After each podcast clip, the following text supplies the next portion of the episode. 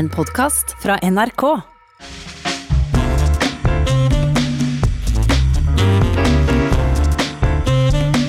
Det er jo helt absurd. Det er jo unaturlig. Men det må jo Det være ser ut som en slags eh, kjempemessig speidersjamoré. Ja, det var altså Harald Eide Steen jr. og Trond-Viggo Torgersen. Eh, Har du eh, sans for eh, fleip med sjølveste 17. mai, Torbormann Larsen? Ja, ja, det er helt nødvendig, fordi det vipper jo mot eh, i verste fall nasjonalisme, ikke sant, og da er eh, satiren eh, helt på sin plass. Ja, en trenger av og til noe som eh, er med på å ta ned det pompøse. Ja, nettopp. Det er da vi trenger humoren. Og kongehuset tåler vel også ganske godt å bli fleipa med, eh, du som eh, har- kongebiograf. De har måttet venne seg til det, i hvert fall. Kong, Kong Harald sier vel at han har sans for god satire, og den, den eh, dårlige den slår han av, og det er vel en grei leveregel? Det, det høres fornuftig ut. Det er jo ikke alltid like morsomt å le av seg selv. Som mange vet så har du brukt eh, 20 år på å skrive det monumentale verket om eh, kong Haakon og hans eh, tid. Hvor sentralt står 17. mai i fortellinga om eh, han? Jo, 17. mai står sentralt i det moderne norske kongehuset, som jo på mange måter da begynner i, i 1905. Ja, eh, for vi lar 1814 ligge. Eh, Det var jo også en dansk prins som var, var um, 17. mai-kongen. Men så ligger det jo dødt eh, på, på, i unionstiden. Men 1905 så blir jo 17. mai selve mobiliseringsdagen på Akershus. Da er jo ikke kongen kommet ennå, men Nansen og Mikkelsen holder patriotiske, nærmest eh, militaristiske taler. Uh, og, og når da kongen endelig går i land i, sent på året, ikke noe 17. mai, men 1906 er jo da er jo Kristiania på bena, og da står de der alle tre, med lille Olav selvsagt som det store midtpunktet. Og det er første gang at eh, kong Haakon og en norsk kongefamilie står på balkongen. Ja, for øh, svenskene ville jo boikotte den dagen fordi den nettopp var knyttet til Christian Fredrik, og ikke til Karl Johan. Ja, 1814-kongen, Kristian Fredrik. Eh, men Håkon, kong Håkon var vel ikke den, den, den, den første kongelige som sto på slottsbalkongen den 17. mai? Nei, det viser seg da at svenskene gjør ett forsøk, og det er så sent som i 1901. Da står kronprins Gustav, den senere Gustav 5. av Sverige, eh, nå norsk kronprins, og vinker til folket fra balkongen. Da er det et nytt århundre, og det er litt tøvær, men samtidig opprustning. Så, så Bernadottene har ikke gitt opp helt, og prøver seg denne dagen, samme dag som Tordenskjold-monumentet avdukes nede ved havna, og krigsskipene Eidsvoll og Norge ligger klar. Så det er en ganske sånn mm, sterk nasjonal stemning, og, og Gustav kommer seg hjem på nattoget til, til Stockholm fort som svint. Han tok første tog tilbake igjen. Ja, han gjorde det. Men, men du sa ikke noe om hvordan han ble mottatt av eh, de som defilerte forbi han? Nei, jeg tror vel de som defilerte, da, eh, var vel høflige, må vi tro. Og Bjørnson var på bena, og det står at de hadde en gemyttlig samtale. Eh, Så mm, det var ennå et høflig forhold i forhold til eh, svenskongene. Eh, Dette skjerpes jo i 1905, da. Ja, for du sier at de prøvde seg i 1901, men de prøvde seg ikke året etter, så det, det kan ikke ha vært oppsummert som helt vellykka. Nei, og, og Gustav var ikke noe glad i å være i Norge. De prøver faktisk å feire en jul også et par år senere, og da skriver han det er fryktelig å feire julen når man ikke kan være hjemme. Ja, og det det- var selvsagt Stockholm slott. Eh, 1906 var den første året Ja. der en norsk eh, kongefamilie, et selvstendig land, eh, står på slottsbalkongen. Og innskutt, eh, det var første året det gikk jenter i barnetoget. Nettopp. Så det var dobbel grunn til å Ja. markere en ny tradisjon. Eh, Og det ble vel innarbeidet som en del av nasjonsbygginga, ble det ikke det? Ja, eh, definitivt. Fordi, du vet, i 1905 så gjenreiser man jo 17. mai-grunnloven. For den ble jo revidert under unionen. Sånn at den får jo en ny mening, og den har jo hatt sprengkraft i hele unionstiden.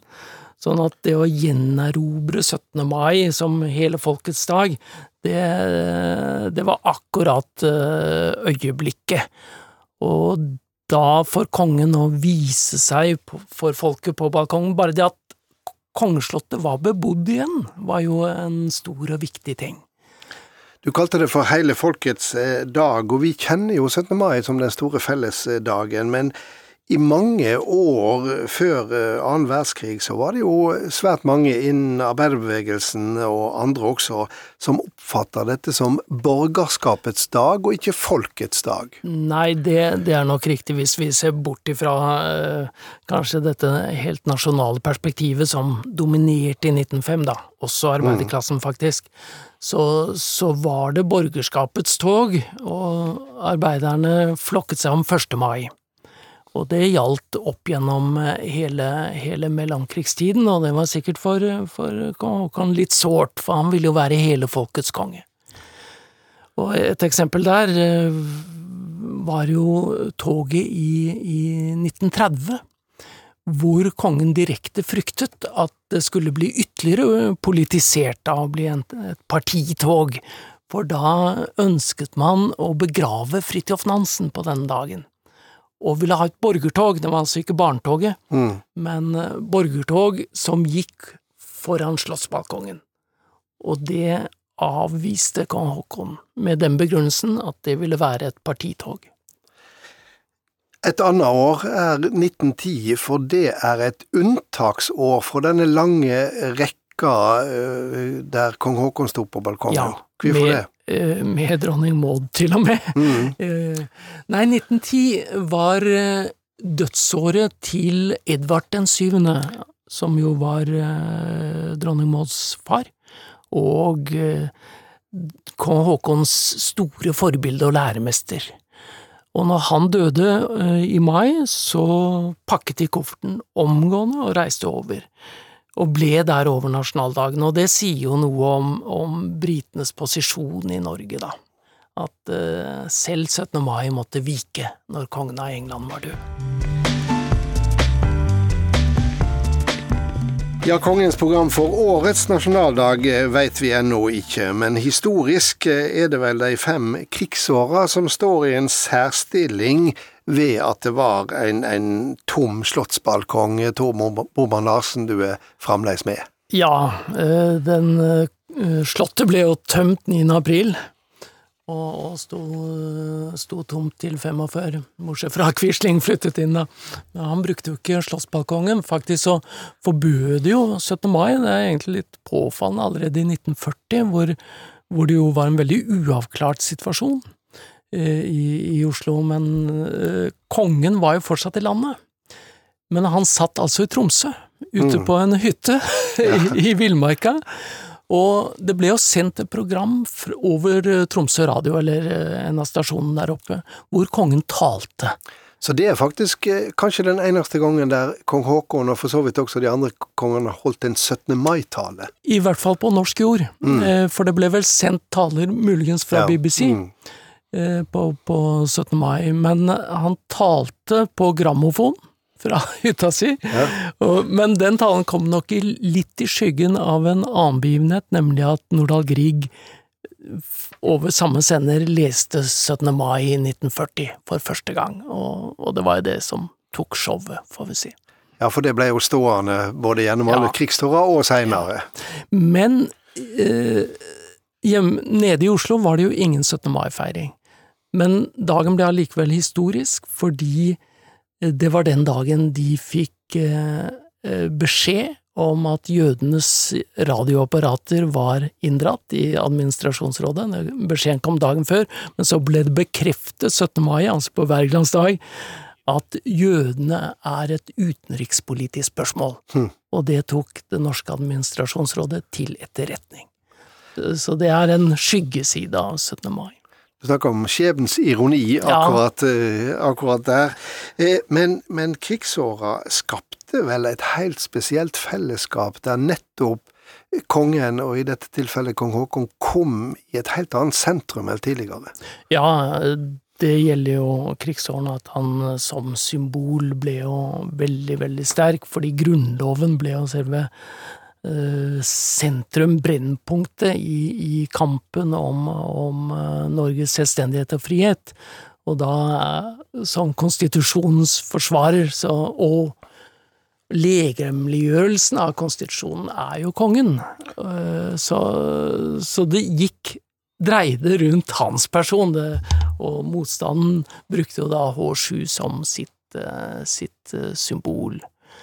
Og, og, og, 17. mai er jo en del av, av eh, hele den symbolikken. Du trekker jo ofte de lange linjenes riss, Toboman Larsen. Hvor, hvor, stor betydning vil du si at kongen på balkongen har for monarkiets stilling? Jo, en monark må vise seg. Um, Eh, monarkiet synliggjør jo staten og statsformen. Sånn at det å vise seg for folket, og ikke minst her for barna, det er jo en, er jo en pedagogisk eh, framsyning. Eh, når barnetoget går forbi Stortinget, universitetet, Nationaltheatret og kommer opp til statsoverhodet som vinker. Staten vinker til barna i kongens skikkelse, og alle kan skjønne at eh, Norge finnes. Det er en konstitusjon, det er et samfunn, og vi er en del av det, og kongen er så å si toppen av pyramiden. Uh, så her, bare ved å vise seg i kraft av sin person og sitt dynasti, trenger ikke si et ord, så, så er alt på plass. Det er monarkiet uh, på sitt sterkeste. Du snakker om at de trenger ikke si et ord, men det er jo likevel en tradisjon at kongen med ujevne mellomrom, eller kanskje faste mellomrom, får vi vel snart heller si, eh, tre fram som taler, spesielt nyttårstalen og et par andre anledninger. Nyttår, stortingsmiddagen er jo en mm. annen uh, fast anledning. Uh, jo, kongens Altså, kongen er på mange måter billedlig. Han billedliggjør Grunnloven. Men dertil må han jo sette ord Eh, på, på, på, forhold i det norske samfunnet, men da på et opphøyet nivå, selvsagt. Men også en personliggjøring, og deri ligger jo styrken for, for kongemakten, at han kan personliggjøre, og sånn sett ha en, et sterkere gjennomslag enn en, en byråkrater og, og politikere. Og den eh, tråden kan jo trekke tilbake til 2020, fordi at senest ved starten av eh, nedstengninga og koronakrisa, så var jo kong Harald den første monarken som talte til folket. Jo, det, han talte jo fra, fra kongsseteren, og det markerer jo at det er en unntakstilstand når kongen tar ordet, en nasjonal unntakstilstand. Eh, og da vil man gjerne se kongen. Han talte jo også ved et par anledninger rundt 22. juli. Ja, og vi får runde av vår samtale med de refleksjonene rundt eh, talen. Det står igjen å se hvordan kongefamilien skal feire årets nasjonaldag, men eh, tusen takk til deg, Tor Bormann Larsen. Og så runder jeg av med min faste kommentar. Her er denne vekas Stang inn, stang ut. Det er mange i dette landet som går ei krevende helg i møte, for det er nasjonaldag på søndag, og 17. mai er dagen for det store fellesskapet. Det er da vi søker hverandre på måter som inneholder det meste av det som nå er bannlyst. Barnetoga, samlinger på skoler i bygd og by, festene og alt annet som fyller uttrykket jo mere vi er sammen. Slik blir det ikke dette unntaksåret 2020. Det kommer til å stille ekstra krav til oss å være oss bevisst dagens innhold, for det forsvinner ikke. Grunnene til at nasjonaldagen er så viktig i vår tradisjon, blir ikke borte. Ikke minst bør dette stå sterkt i bevisstheten vår i et år der vi har markert at det er 75 år siden Norge ble frigjort etter fem års nazistyre. La oss huske på at det ikke er slik at om vi demper den store kollektive festen, ja, så fjerner en sjølve meininga med 17. mai. Snarere tvert om. Kanskje vi nettopp i år også vil tenke mer på det ei undersøking viser, nemlig at en tredjedel av alle nordmenn alltid holder seg hjemme på nasjonaldagen.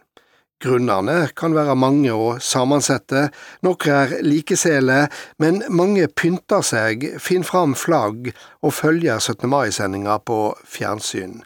Slik er de en del av folkefesten uten sjølv å møte fram. Og slik blir det jo for de aller fleste i år. Fellesskap, glede og høgtid er kjensler vi nordmenn knytta til nasjonaldagen, også det viser undersøkinga om 17. mai-vanene våre. Og da nærmer vi oss verdiene som samfunn, de vi holder oss med, verdier vi nett denne underlige tida har fått bruk for i rikt monn. Slik er det som skjer rundt oss, ei understreking av dagens budskap.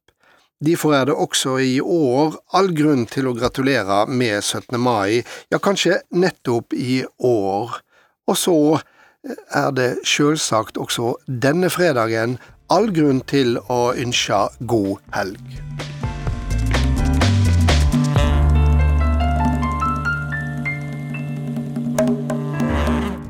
Du har hørt en podkast fra NRK. Hør flere podkaster og din NRK-kanal i appen NRK Radio.